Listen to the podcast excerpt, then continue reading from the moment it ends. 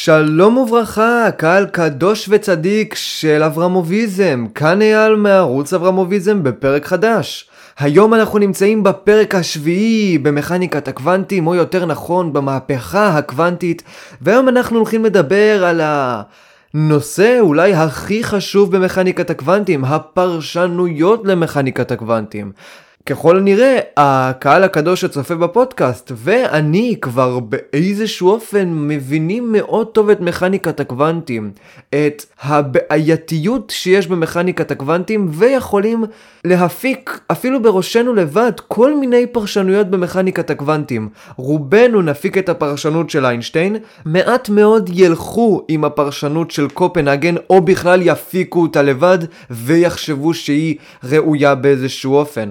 אבל אבל היום, כמו שאמרתי, אנחנו הולכים להתייחס לפרשנויות האלה, אבל לא לפני שאני הולך להציג לכם את אחד החוקים החשובים ביותר במכניקת הקוונטים. אולי החוק החשוב ביותר במכניקת הקוונטים, והמעניין ביותר, והמפורסם ביותר. והוא עקרון האי ודאות של אייזנברג, קהל קדוש. כל אחד שמע בחיים שלו על עקרון אי הוודאות של אייזנברג באופן כזה או אחר. אה, יש הרבה פרשנויות מאוד דביליות של ההמון לגבי עקרון אי הוודאות של אייזנברג, מפרשים אותו לא נכון, לא מבינים אותו כמו שצריך. וזו איזושהי עוולה שאני רוצה לתקן כאן בפודקאסט הזה, ולנסות לחסל לחלוטין את כל הפרשנויות הנלוזות, העלובות, או הגישות של כל מיני אנשים כלפי עקרון אי הוודאות של אייזנברג. היום זה הולך להיות ממש בחינה פיזיקלית של מה עקרון אי הוודאות של אייזנברג אומר, ואחרי זה אנחנו יכולים, אחרי שאנחנו מבינים באמת את החוק הזה, להתחיל לפרש אותו. להתחיל להבין לא פיזיקלית מה הוא אומר, אלא טבעית מה הוא אומר. לא מה שכתוב לנו בפיזיקה, אלא מה שקורה אשכרה במציאות, סבבה? זה מה שאני רוצה לבחון איתכם עכשיו, זה מה שמעניין, זה מה שעניין את איינשטיין ובור, המטאפיזיקאים לכאורה, המטאפיזיקאים הבוגרים מאוד, שהפיזיקאים האחרים פשוט השתמשו בגדולה של מכניקת הקוונטים החדשה כדי להפיק דברים חדשים, ובניגוד לכך, הישנים, האבות הישנים של מכניקת הקוונטים, עדיין נתקעו במושגים המופשטים ובהבנת מה מכניקת הקוונטים בתכלס אומרת, כי זה היה הפשן שלהם, הם רצו להבין את היקום, וזה מה שאנחנו רוצים להבין היום. אז קהל קדוש, מהו עקרון אי הוודאות של הייזנברג? עקרון אי הוודאות של הייזנברג בפשוטו אומר שאתה לא יכול לבחון במדויק מיקום, ובמדויק מהירות, ואתה לא יכול לבחון במדויק מהירות ובמדויק מיקום. כלומר, כאשר אני בוחן את המיקום של חלקיק מסוים באופן מאוד מאוד ודאי ומדויק, אני פוגע ביכולת שלי בו זמנית, קהל קדוש, בו זמנית לבחון את התנע, את המהירות של החלקיק במערכת הספציפית הזאת. ככל שאני מודד את המיקום של חלקיק במערכת באופן מדויק יותר, כך אני פוגע ביכולת שלי לבחון באופן מדויק יותר את המהירות של החלקיק, אוקיי? עכשיו, אני אתייחס למהירות הזאת לפעמים כתנע ולפעמים כמהירות. תנע, כמו שאתם מבינים כבר אחרי שאמרתי אלפי פעמים בפודקאסט, תנע היא פשוט מהירות ומסה ביחד. היא מהירות כפול מסה. ולכן לפעמים אני אגיד מהירות ומיקום, ולפעמים אני אגיד תנע ומיקום. לכן תתייחסו לזה בערך באותו אופן, ו...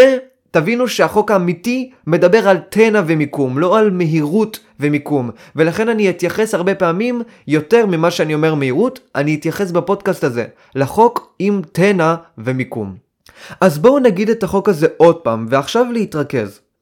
ככל שאני מודד באופן מדויק יותר את התנע, כך אני מודד באופן מדויק פחות את המיקום. ככל שאני מודד באופן מדויק יותר את המיקום, ככה אני מודד באופן פחות מדויק את התנע. עכשיו, מפה ועד להגיד שזה חוק טבע שטבוע בחלקיקים וטבוע בקוונטים, זה אבסורד, אוקיי? מה שהייזנברג חשב, ובצדק, כמו שכל אחד פה יחשוב כשהוא שומע לפודקאסט, זה ש...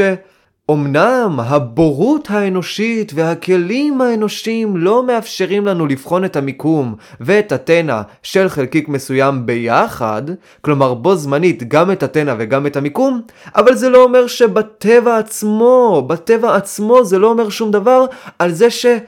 עצם הבחינה של המיקום מבטלת באיזשהו אופן את התנע, או עצם הבחינה של התנע מבטלת את המיקום.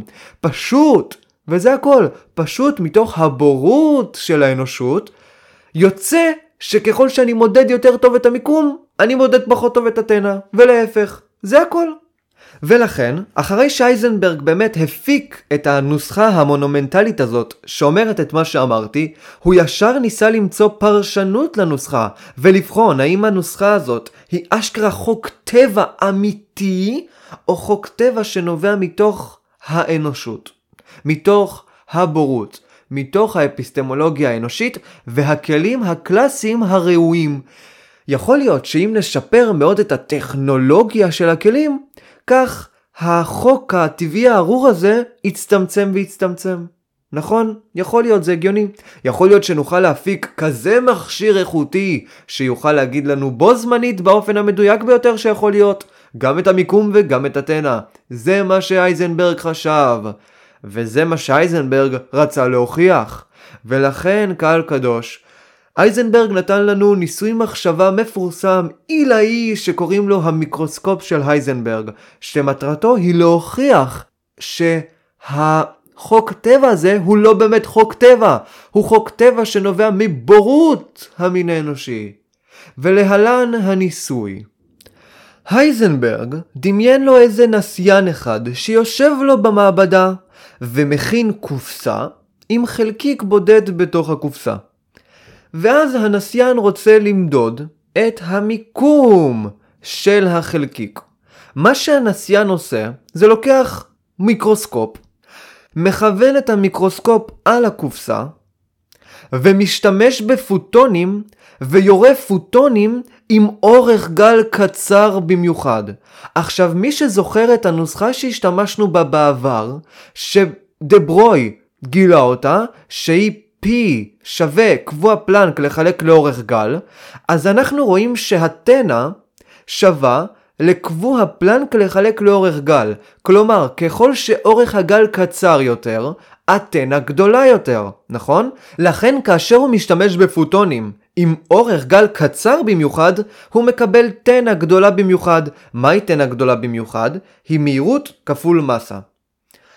אז הנסיין יורה את הפוטון הספציפי עם האורך גל הקצר במיוחד ועם התנע הגדולה מאוד אל עבר האלקטרון או החלקיק בתוך הקופסה. עכשיו, בגלל שהתנע של הפוטון כל כך גדולה, אז הפוטון מעביר ישר לאלקטרון, ישר בלי לשים לב, הרבה מאוד תנע, ולכן אנחנו לא יכולים למדוד באופן מדויק את התנע של האלקטרון לפני הפגיעה. אבל מה אנחנו כן יכולים לעשות? בגלל שהפוטון התנגש מאוד חזק באלקטרון, אז הפוטון חזר אל המיקרוסקופ. ברגע שהפוטון הזה חזר אל המיקרוסקופ, אנחנו יכולים לבחון את המסלול של הפוטון, ובכך להגיד בדיוק איפה הייתה ההתנגשות. אם אני יודע איפה ההתנגשות, אני מוצא את המיקום. ומתוך כך, אתם מבינים מה אני אומר? מתוך כך, הייזנברג אמר, זו בדיוק הסיבה שבגינה קשה לנו מאוד למדוד את המיקום ואת התנע בו זמנית. כאן שמנו לב, כאשר אנחנו לוקחים חלקיק עם אורך גל קצר מאוד, פוטון עם אורך גל קצר מאוד, כלומר תנע מאוד גדולה, אז ברגע שאנחנו פוגעים באלקטרון, תנע אנחנו כבר לא יכולים למצוא, או אנחנו יכולים לחשב אותה אבל באופן מאוד לא ודאי, אבל מיקום אנחנו יכולים לחשב באופן מאוד מאוד ודאי, אוקיי? מה אם עכשיו אני אקח פוטון, אני אראה פוטון עם אורך גל מאוד מאוד ארוך? כלומר, עם תנע מאוד מאוד קטנה. ככל שהתנע יותר קטנה לפוטון, אני יצליח למדוד טוב יותר את התנע של האלקטרון שאני פוגע בו בתוך הקופסה. למה? כי ברגע שהתנע היא מאוד מאוד קטנה, אז הפוטון הזה עם האורך גל מאוד מאוד גדול ממש עובר דרך האלקטרון כמו מים ליד חלוק של נחל ואומנם הפוטון הזה עם אתנה המאוד מאוד קטנה לא מצליח להזיז את האלקטרון, ובגלל שהוא לא מצליח להזיז את האלקטרון, הוא לא יכול לחזור למיקרוסקופ, וכך אי אפשר לחשב את המסלול ולהבין איפה נוצרה ההתנגשות. אבל בגלל שהוא לא מזיז הרבה את האלקטרון, הוא לא מעביר הרבה תנע לאלקטרון הזה. אם הוא לא מעביר הרבה תנע, האלקטרון בקושי זז, ואז ישר אפשר לבחון את התנע של האלקטרון. אז אתם מבינים שכאשר אני אעשה ניסוי מיקרוסקופי, אני שם לב שככל שאני משתמש בחלקיק, בפוטון, בעל תנע גדולה יותר, כך אני מודד באופן מדויק יותר את המיקום, וכאשר אני משתמש בפוטון עם תנע קטנה יותר, כך אני מודד פחות טוב את המיקום, אוקיי? ויותר טוב את התנע. ולכן מתוך כך, מתוך ניסוי המחשבה הגאוני הזה, הייזנברג הוכיח שחוק הטבע שלו לא כזה טבעי. חוק הטבע שלו נובע מהכלים הארורים שבני האדם משתמשים בהם. ממש הצלחנו להוכיח את הדטרמיניזם באיזשהו אופן. את זה שיש ערכים שהם טבועים בתוך האלקטרון, אבל הבורות האנושית לא מאפשרת לנו לבחון את הערכים האלה, ומתוך כך הדטרמיניזם נפגע. תחשבו עכשיו שאם אייזנברג היה שולח את המאמר הזה לאיינשטיין, איינשטיין פשוט היה קופץ במקום, הוא היה שמח, הוא היה צוהל, הוא היה יוצא לרחובות ושר בשמחה. סוף סוף הדטרמיניזם נשאר, והערכים הטבועים בתוך המערכת נשארים, והריאליזם הנאיבי נשאר, והוכחתי שהעולם עצמו עובד ללא קשר לצופה. איזה יופי, איזה כיף. לתופעה הזאת, הייזנברג קרא אפקט הצופה. ואפקט הצופה בסופו של דבר אומר ש... אף פעם אתה לא יכול למדוד מערכת מסוימת בלי להשפיע עליה, וזה מאוד מורגש בקוונטים. ממש מורגש בקוונטים שאתה, ברגע שאתה מודד את המערכת הקוונטית, אתה משפיע עליה מאוד. ואפקט הצופה הזה היה גם מוכר בפיזיקה הקלאסית, אבל הוא היה מאוד מאוד לא מורגש. במכניקה הקוונטית הוא סופר מורגש. אתם רואים שעצם המיקרוסקופ שלי, שעצם הפוטונים שלי, הפוטונים שזה דבר כל כך קטן עם אנרגיה כל כך מינימלית, משפיע על האם אני אמדוד באופן מדויק את המיקום, או האם אני אמדוד באופן מדויק את התנע. ו... המיקרוסקופ קובע שאני לא יכול למדוד את שתיהם באופן מדויק. רק אחד מהם אני יכול למדוד באופן מדויק. זה מדהים, זה גאוני, זה ניסוי מחשבה יוצא דופן. ניסוי מחשבה שרק הייזנברג יכול לחשוב עליו. ניסוי מחשבה שמקדש גם, מקדש מאוד את הריאליזם הנאיבי, הריאליזם הקשוח של איינשטיין. אבל אז מגיע בור, או, מגיע עכשיו בור, ומתחיל אה, לקרוא את המאמר המפוקפק של הייזנברג, ואומר לעצמו, וואו וואו וואו וואו וואו וואו וואו וואו וואו רק שנייה אחת. הייזנברג, בוא רגע, גש אל, אליי למשרד, הייזנברג עוד עבד עם uh, בור, והייזנברג כזה ניגש אל בור ואומר כזה, עשיתי בעיה, אדוני, המורה הדגול שלי, ואז הוא אמר, הייזנברג, אתה טעית פה? לגמרי. עשית פה טעות נוראית שלא קשורה לשום דבר. העקרוני הוודאות הזה שמצאת הוא גאוני קודם כל, ולצערך, וממש לא לצערי, הוא חוק טבע. הוא ממש מתבטא בטבע. אין שום קשר למדידה. גם בור צחק מאוד על הייזנברג וקרא לפרשנות הזאת שלו, למיקרוסקופ הזה שלו, פיזיקה סובייקטיבית. עכשיו פיזיקה סובייקטיבית זה בתכלס להגיד אין פיזיקה. מה זה פיזיקה סובייקטיבית? הוא חושב ככה, הוא חושב ככה, הוא חושב ככה. מה, מה זה פיזיקה סובייקטיבית? הפיזיקה אמורה להיות אובייקטיבית, אוקיי? ובור התחיל ממש כאילו ללגלג על המאמר של הייזנברג, או לפחות לא על המאמר שלו, על עקרון אי הוודאות, אלא על המאמר הנוסף שהוא הפיק, שנקרא המיקרוסקופ של אייזנברג, והוא צחק עליו וכל מיני שטויות כאלה, ואייזנברג כאילו ממש נשבר באותו רגע. אייזנברג התחיל לבכות במשרד של בור ולא דיבר איתו איזה שבוע, כי בור ממש עצבן אותו. הרי אם הייזנברג הוא הממציא, בוא נגיד ככה, של עקרון אי הוודאות, יש לו את ה... מלוא הסמכות גם להבין מה עקרון אי הוודאות אומר, ופתאום בור מגיע אליך, המניאק הזה שעצבן מאוד את uh, אייזנברג בזמנים האחרונים בגלל הפרשנויות שלו, ופשוט אומר, לא, זה ממש לא נכון מה שאתה אומר, זה שטות מוחלטת, והניסוי שעשית שגוי מיסודו. עכשיו, אני לא הולך להציג למה הניסוי של הייזנברג שגוי מיסודו, אבל בסופו של דבר, בור הצליח להוכיח שהניסוי הזה לא נכון, המיקרוסקופ של אייזנברג לא נכון. אפקט הצופה, לפחות כפי שאייזנברג התייחס אליו, גם הוא לא נכון. הוא הצליח להוכיח, זה משהו מטורף, שעקרון אי הוודאות הוא אשכרה מתקיים בעולם. כלומר, עצם העולם עצמו הוא עולם שבו חלקיק חייב לבחור לעצמו אם להיות יותר מיקומי או יותר תנאי. הוא חייב לבחור בין השתיים והוא לא יכול להיות בו זמנית במצבים האלה, והוא הצליח להוכיח את זה, וזה משהו שאפילו עצבן יותר את אייזנברג. עכשיו, ההוכחה של בור, שעקרון אי הוודאות הוא ממש טבעי, הוא ממש מתקיים בטבע, היא הוכחה מתמטית, ולכן אני לא יכול להסביר לכם את ההוכחה הזאת באופן... אה, מילולי, כאילו יכול להיות שאני אוכל להסביר לכם את זה באופן מילולי, אבל חייב לראות את זה, חייב לראות את זה בעיניים, וזה לא מתאים לפודקאסט, במיוחד גם שזה סופר דופר קשה. אתה חייב לראות בעיניים את הגליות של החלקיקים הללו כדי להבין למה בתכלס לא ניתן למדוד תנע ולמדוד מיקום יחדיו. אוקיי? ולכן אני לא הולך להתייחס לדבר הזה. אבל מה שאני כן הולך להתייחס אליו, זה ההשלכות החמורות של החוק הארור של אייזנברג עקרוני הוודאות. כי אם ניקח את פרשנות קופנהגן, אם ניקח את פרשנות קופנהגן, קהל קדוש, אם ניקח את הפרשנות הזאת ממש כמו שהיא, ונלך עם בור עד הסוף, אנחנו נבין בסופו של דבר שהפוסט מודרניזם צודק באיזשהו אופן.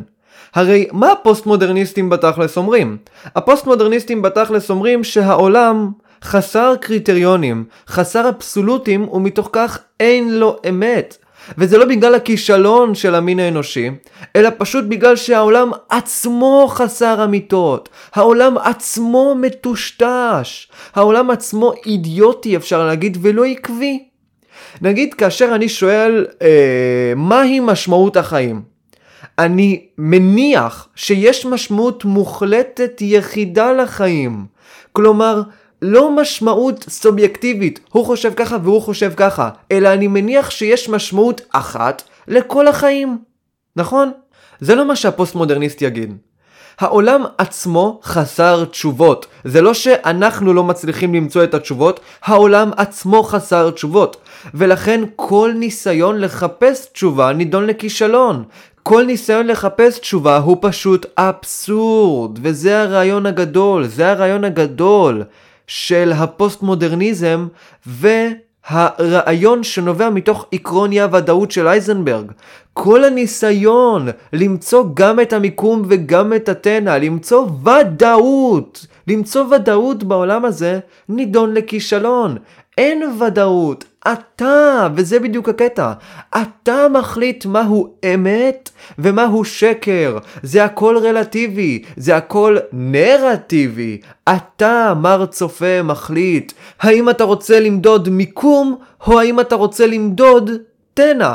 אתה הוא המחליט, ובגלל שהעולם עצמו מטושטש, עצם הגברת הפוקוס בפרמטר אחד פוגע בפוקוס של הפרמטר השני, לא בגלל שהמכשיר לא טוב, אלא בגלל שעצם העולם לא טוב, כלומר עצם העולם לא מוחלט, לא בדיוק אבסולוטי, חסר אמיתות וחסר ידע מוחלט אמיתי שמייצג אמת, קהל קדוש. אם אתם רוצים לדוגמה סרט חזק מאוד שמדבר על אותם דברים, או לפחות הייתה סצנה בסרט שדיברה על הפוסט מודרניזם, ואני בטוח שוודי אלן גם התכוון למיקרוסקופ של הייזנברג, ולסרט הזה קוראים uh, Deconstructing Harry. עכשיו, זה סרט של וודי אלן, שבו יש סצנה מאוד מאוד מצחיקה, ממש מצחיקה כאילו, תרשמו uh, Out of Focus, וודי אלן, אתם תראו, זו סצנה מטורפת, שבה מנסים לצלם איזשהו מישהו, אבל כל פעם שמסתכלים דרך המצלמה, הוא יוצא מטושטש, הוא יוצא מעורפל, הוא לא בפוקוס. ואז הם קוראים לבן אדם הזה, הם קוראים לשחקן הזה, הם בדיוק ניסו לצלם איזושהי סצנה של סרט. הם קוראים לו, ואחרי זה הם שמים לב, וזה הדבר הכי מוזר ואבסורדי בסצנה. הם שמים לב שהאדם עצמו לא בפוקוס. כאילו, כשהם מסתכלים מהעדשה של המצלמה, הם רואים שהוא לא בפוקוס. אז ככל הנראה זה בעיה במצלמה עצמה, זה בעיה במכשיר עצמו, בדיוק כמו שאייזנברג חשב עם המיקרוסקופ של אייזנברג, ובדיוק בדרך שבה הוא התייחס לעקרון אי הוודאות ולכאורה לעולם. פתאום הם קוראים לחלקיק, הם קוראים לאדם, לאדם שמצולם, והם רואים שהאדם עצמו לא בפוקוס. הם מסתכלים עליו בעיניים שלהם והם רואים שהוא לא בפוקוס. כל העולם עצמו לכאורה בפוקוס, הוא ספציפית, הוא ספציפית לא בפוקוס, זה, זה, זה משגע אותם. ואחרי זה הם כאילו, בגלל שהם פעם ראשונה נתקלים בסיטואציה כזאת, כשכמובן אף אחד מאיתנו בחיים לא ייתקל בסיטואציה כל כך אבסורדית, הם אומרים לו כזה, תגיד, אתה, אתה בסדר? אתה חולה קצת? אתה חיוור? הם חושבים שהוא חיוור, כאילו, שהוא ממש לא בפוקוס, הם חושבים שהוא חיוור.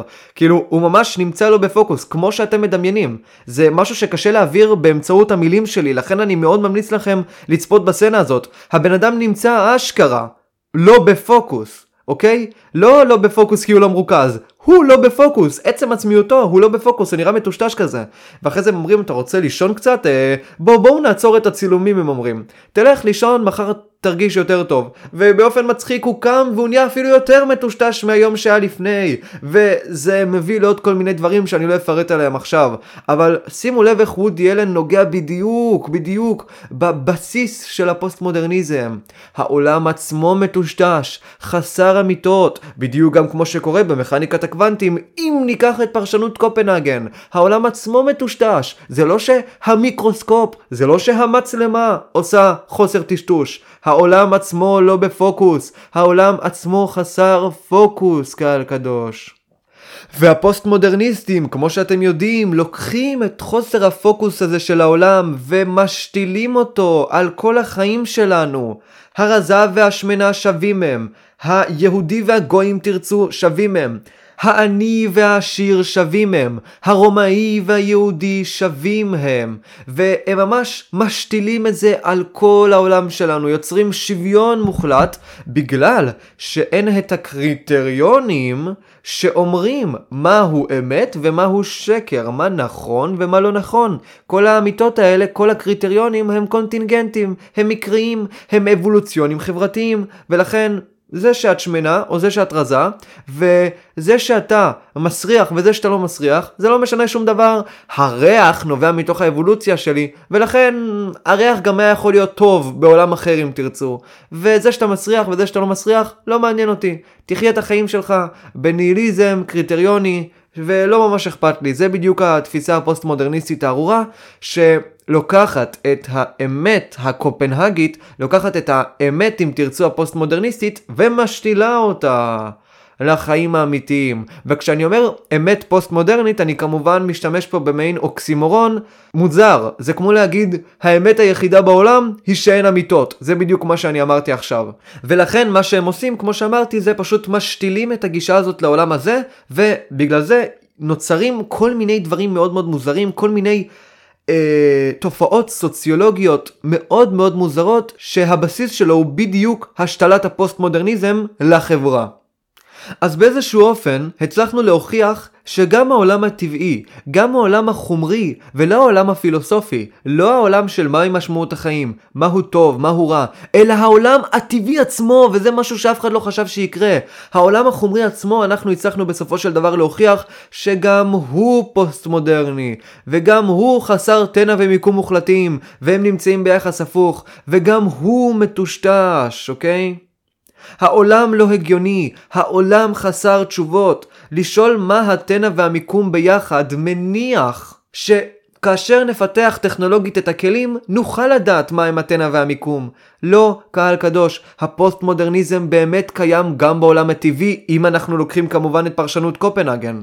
והעולם הטבעי עצמו, העולם הטבעי עצמו, חסר משמעות, חסר אמיתות.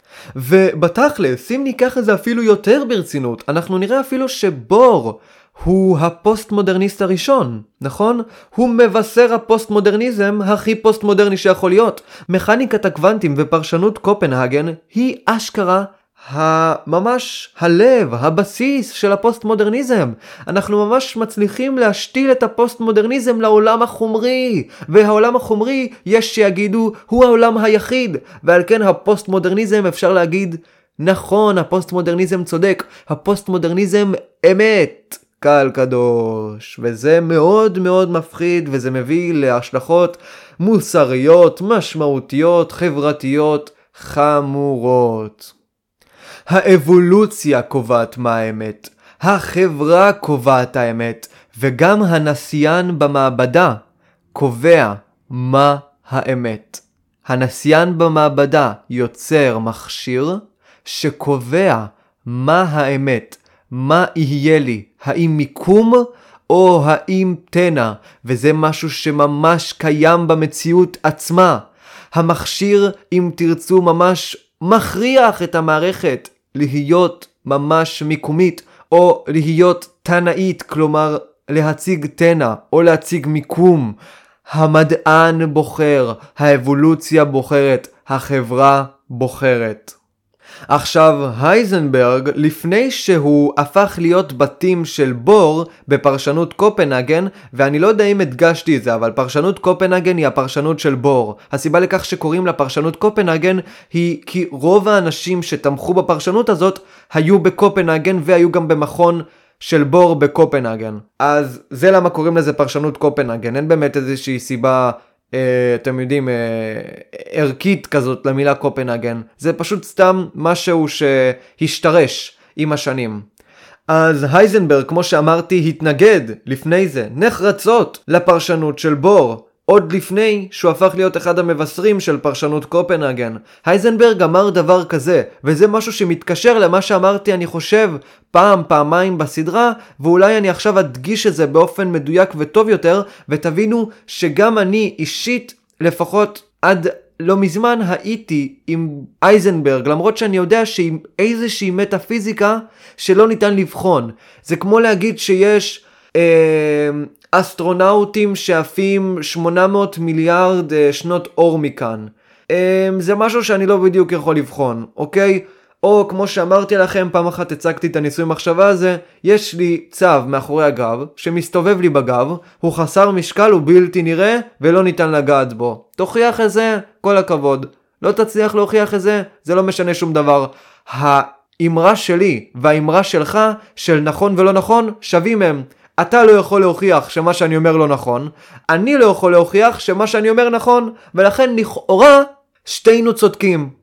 וזה בדיוק גם הבעיה בגישה של הייזנברג. הגישה של הייזנברג היא עוד פעם פרשנות למכניקת הקוונטים, והיא מטאפיזיקה, בדיוק כמו מה שעשו בור, ובדיוק כמו מה שעשו איינשטיין, אוקיי? הם מנסים למצוא פרשנות, וכולם יודעים שלא באמת ניתן לבחון פרשנות, כי תחשבו על זה מעט. אם איינשטיין אומר שעוד לפני המדידה לחלקיק היה תנע והיה מיקום, אנחנו לא יכולים לבחון את זה.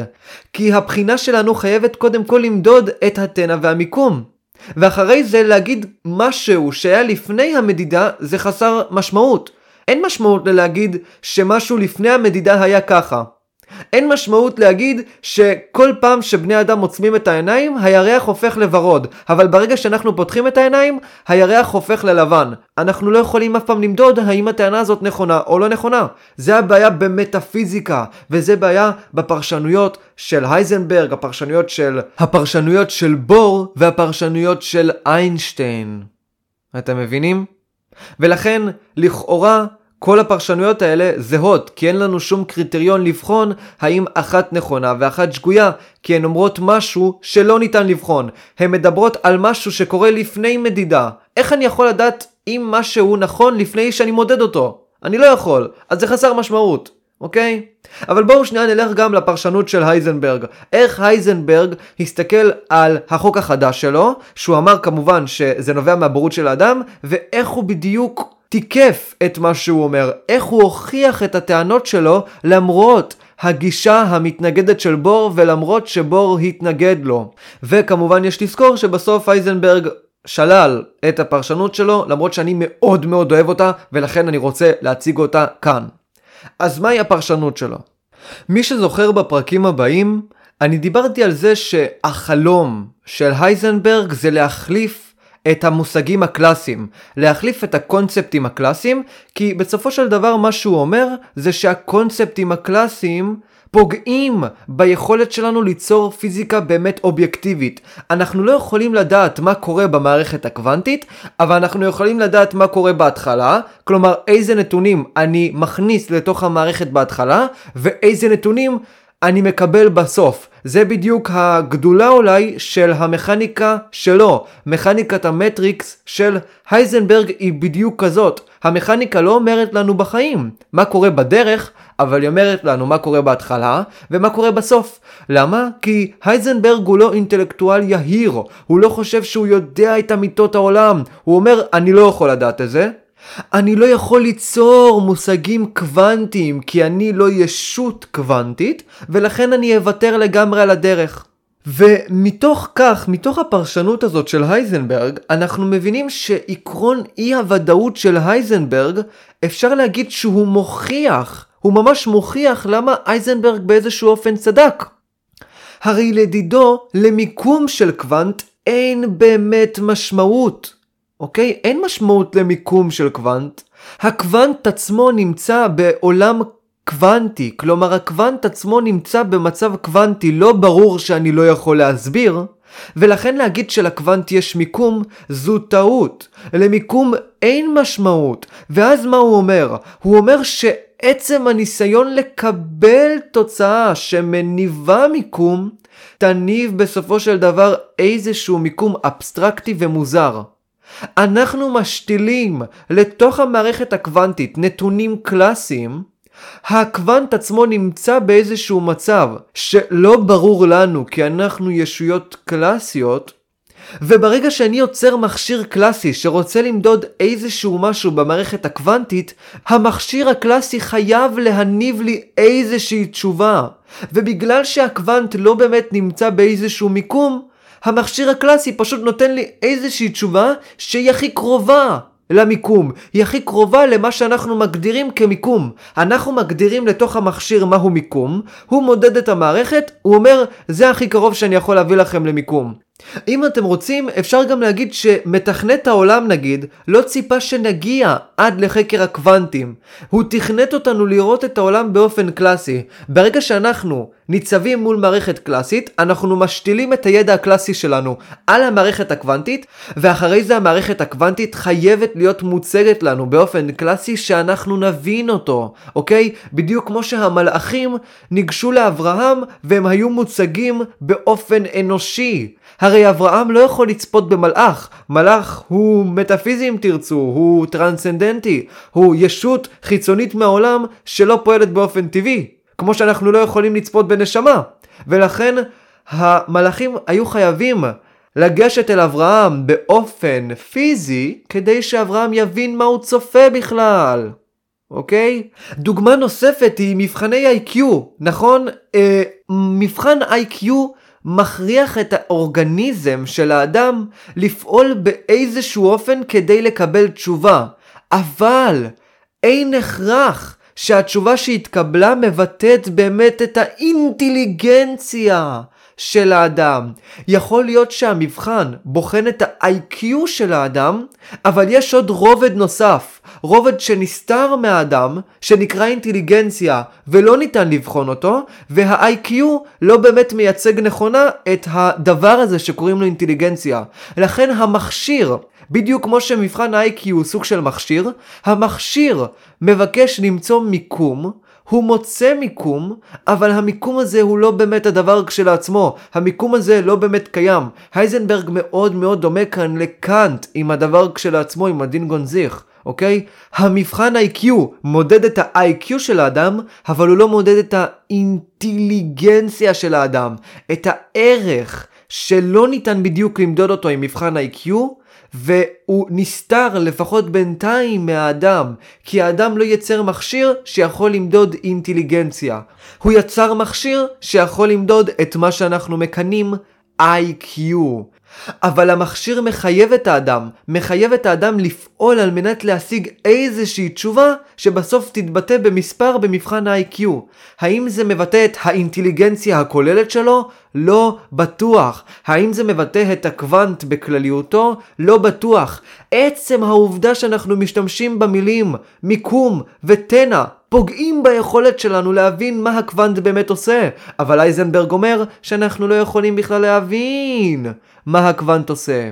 השימוש במכשירי מדידה ספציפיים למציאת פרמטר כמו מיקום וכמו תנע שגוי מיסודו, כי העולם הקוונטי עצמו מטושטש עבור בני אדם. אנחנו יצרנו מערכות קלאסיות, לא קוונטיות, ולכן כל הניסיון למצוא את עצם האמת בעולם הקוונטי שגוי מיסודו.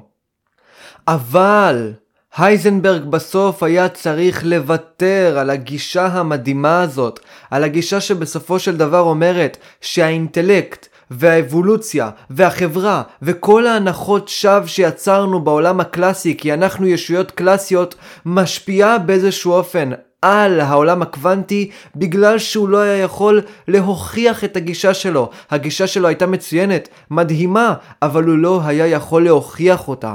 ובגלל ההוכחות היוצאות דופן של בור, במיוחד גם עם ההוכחה של בור, כאשר בור הצליח להוכיח שבסופו של דבר העקרון אי הוודאות הזה הוא אשכרה מתקיים בעולם הזה, אייזנברג החליט לוותר על כל מה שהוא חשב וללכת עם בור ועם פאולי, אוקיי?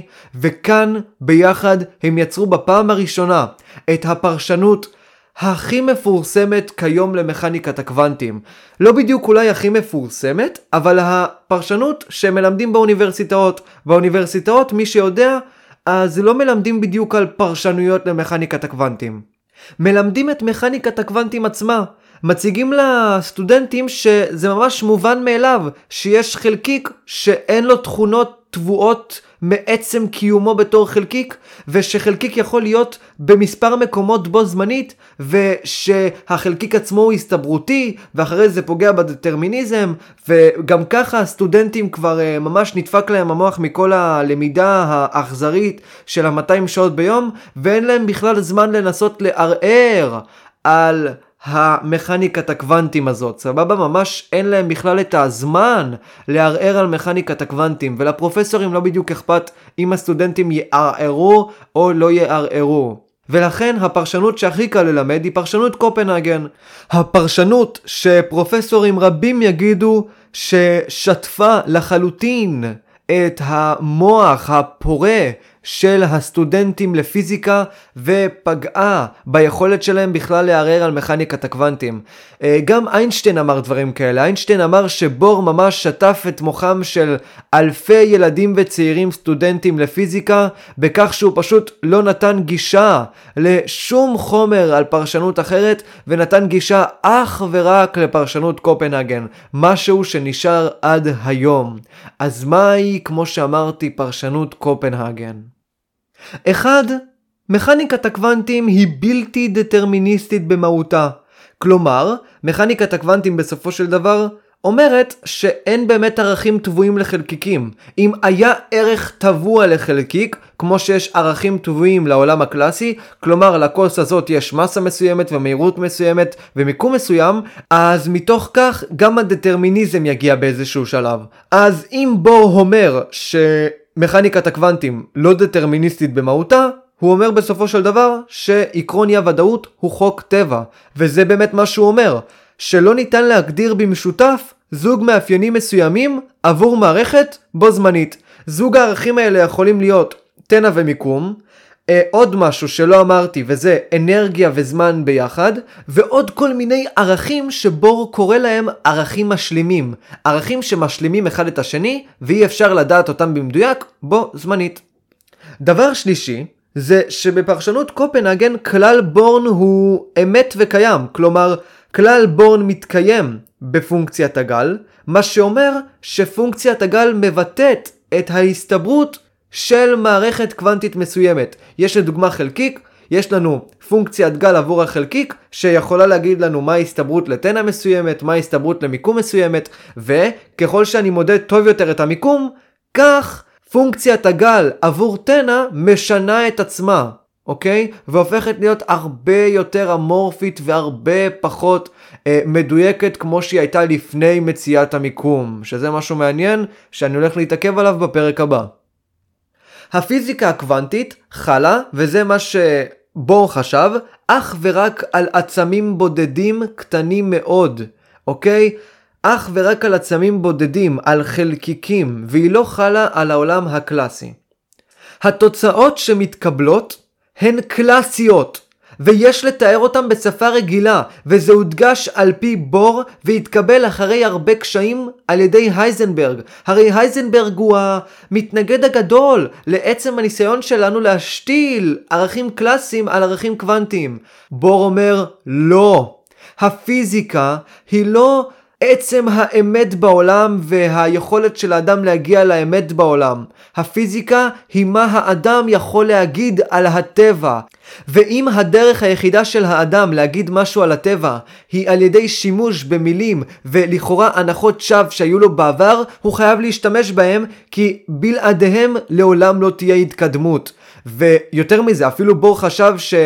הגישה הזאת שלו ממש נכונה, כאילו הוא חשב ממש שיש לחלקיקים מיקום ויש לחלקיקים תנע, לא קשור לטענה שאמרתי לכם עכשיו. הוא ממש האמין בזה, ולקח הרבה זמן לאייזנברג לשנות את המחשבה שלו ולשנות את הגישה שלו כלפי מכניקת הקוונטים ולקבל את פרשנות קופנהגן. מה עוד? במהלך תצפית המערכת חייבת לקיים אינטראקציה עם מכשיר של מעבדה. כאשר המכשיר מבצע מדידה, פונקציית הגל קורסת ומצטמצמת באופן בלתי הפיך למצב קבוע שנרשם. התוצאה היא תיעוד מוחשי של האירוע שמבטל את ההסתברות ומתקיים במציאות. עכשיו לגבי הרעיון הזה שבאמת פונקציית הגל כמו שהם מכנים את זה, קורסת למצב אחד, כלומר פעם היה 50% מקום כזה, 30% מקום כזה, פתאום ברגע המדידה פונקציית הגל ממש קורסת למיקום מדויק אחד 100%, הדבר הזה יפריע מאוד לאיינשטיין ואני הולך לדבר על זה בפרק הבא. וכבר עכשיו החלטתי, בגלל אורכו של הפרק, לפרק את הפרקים לפרק ראשון שמדבר על פרשנות קופנהגן ו... אה, הייזנברג, עקרון אי הוודאות ופוסט מודרניזם, פרק שני ידבר על שרודינגר ואיינשטיין והניסויי מחשבה המרתקים, או לפחות ניסוי מחשבה מרתק אחד, אה, שקוראים לו החתול של שרדינגר, שאני בטוח שקהל הצופים שלי מכיר את הניסוי הזה, שפשוט מראים את האבסורדים הנוראים שיש בפרשנות קופנהגן. אז בואו נמשיך, ואנחנו בכלל התשיעי. הצהרות על מדידות שלא בוצעו בפועל חסרות משמעות הן. כלומר, כמו שאמרתי לכם לפני זה, שהפרשנויות לכאורה אומרות לנו שלפני המדידה קורה איזשהו משהו למערכת הקוונטית, או לפני המדידה אני יכול להבין או לפחות להסיק שיש מיקום ויש תנע ופשוט מתוך ברותו של האדם אנחנו יכולים רק להבין בעצם המדידה איזה תנע ואיזה מיקום יש, אז כמובן בור אומר שלהגיד דבר כזה זה לא נכון בכלל. אתה לא יכול להסיק שום דבר לפני המדידה, למה קורה למערכת. הדבר הזה חסר משמעות, ובצדק, זה באמת הגיוני מה שהוא אומר. אין שום משמעות ללהגיד כל דבר על מערכת לפני שמודדים אותה, וכך הוא חושב שזה צריך להישאר. כי עוד פעם, כמו שהוא אומר, אתה לא יכול באמת לדעת מהי האמת בעולם. מטרתה של הפיזיקה היא מה האדם יכול להגיד על הטבע ואיך האדם יכול להשתמש בטבע לטובתו, לא הבנת האמת הנסתרת כמו שאיינשטיין חשב. בפרשנות קופנהגן אז, אנחנו רואים שיש ערך עליון מאוד מאוד חשוב לעצם המדידה. המדידה ממש קובעת מה יקרה למערכת. המדידה ממש משנה את מה שקורה במערכת. משהו שלא היה בכלל בכלל בכלל בעבר פיזיקה קלאסית. מה זאת אומרת שהמדידה משנה את המערכת? כאן אתה לגמרי מפרק את הריאליזם הקשוח. הריאליזם שאומר שהעולם מתקיים מחוץ לצופה.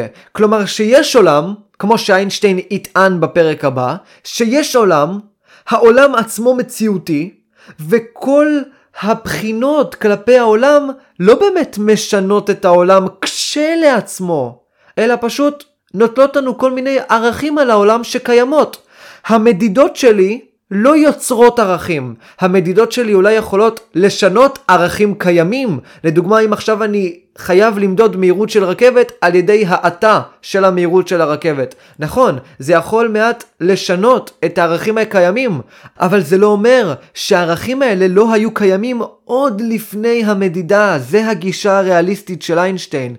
וכפי שניתן לראות, בור ממש מתנגד לגישה הזאת. בור אומר, נכון, זה נשמע קצת מוזר, אבל עצם האינטראקציה של מכשיר בעולם הקוונטי משנה באיזשהו אופן את העולם הקוונטי, או יוצר אותו אם תרצו, ממש יוצר אותו.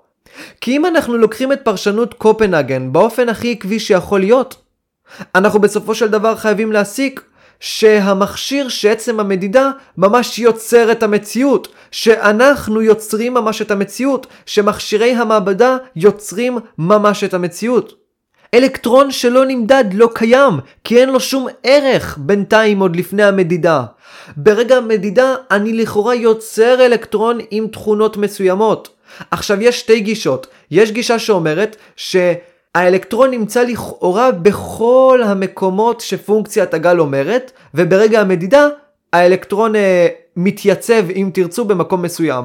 לעומת זאת, יש גישה שאומרת, ובתכלס שתי הגישות האלה נכונות אם תרצו, יש עוד גישה שאומרת שהאלקטרון לא נמצא בשום מקום, וברגע המדידה האלקטרון נמצא במקום מסוים.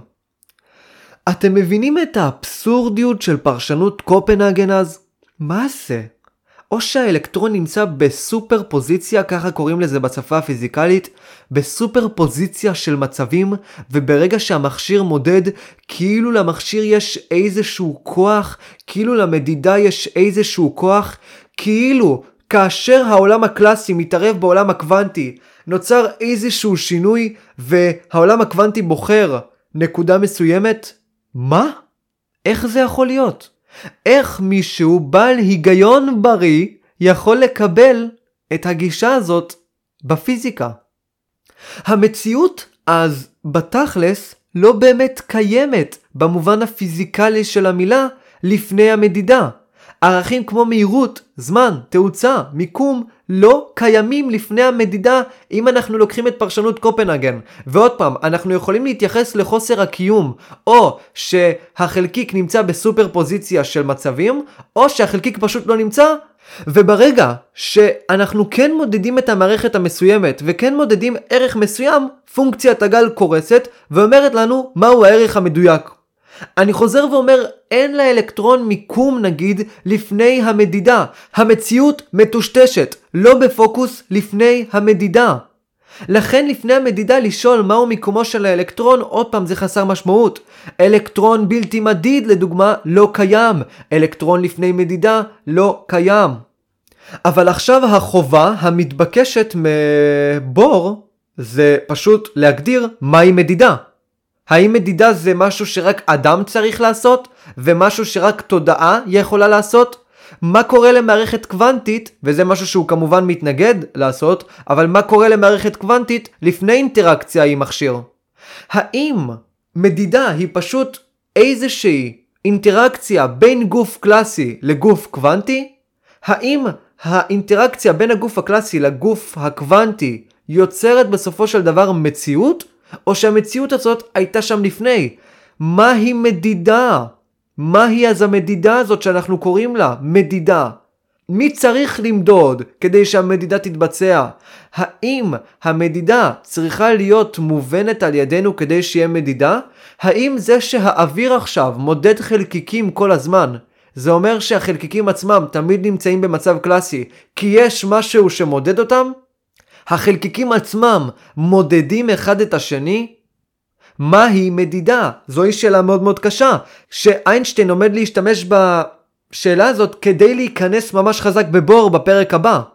אתה לא יכול להגדיר לי מהי מדידה. מה אתה רושם פה מדידה בכמעט כל העקרונות, אם אתה לא יכול בכלל להגדיר מהי מדידה?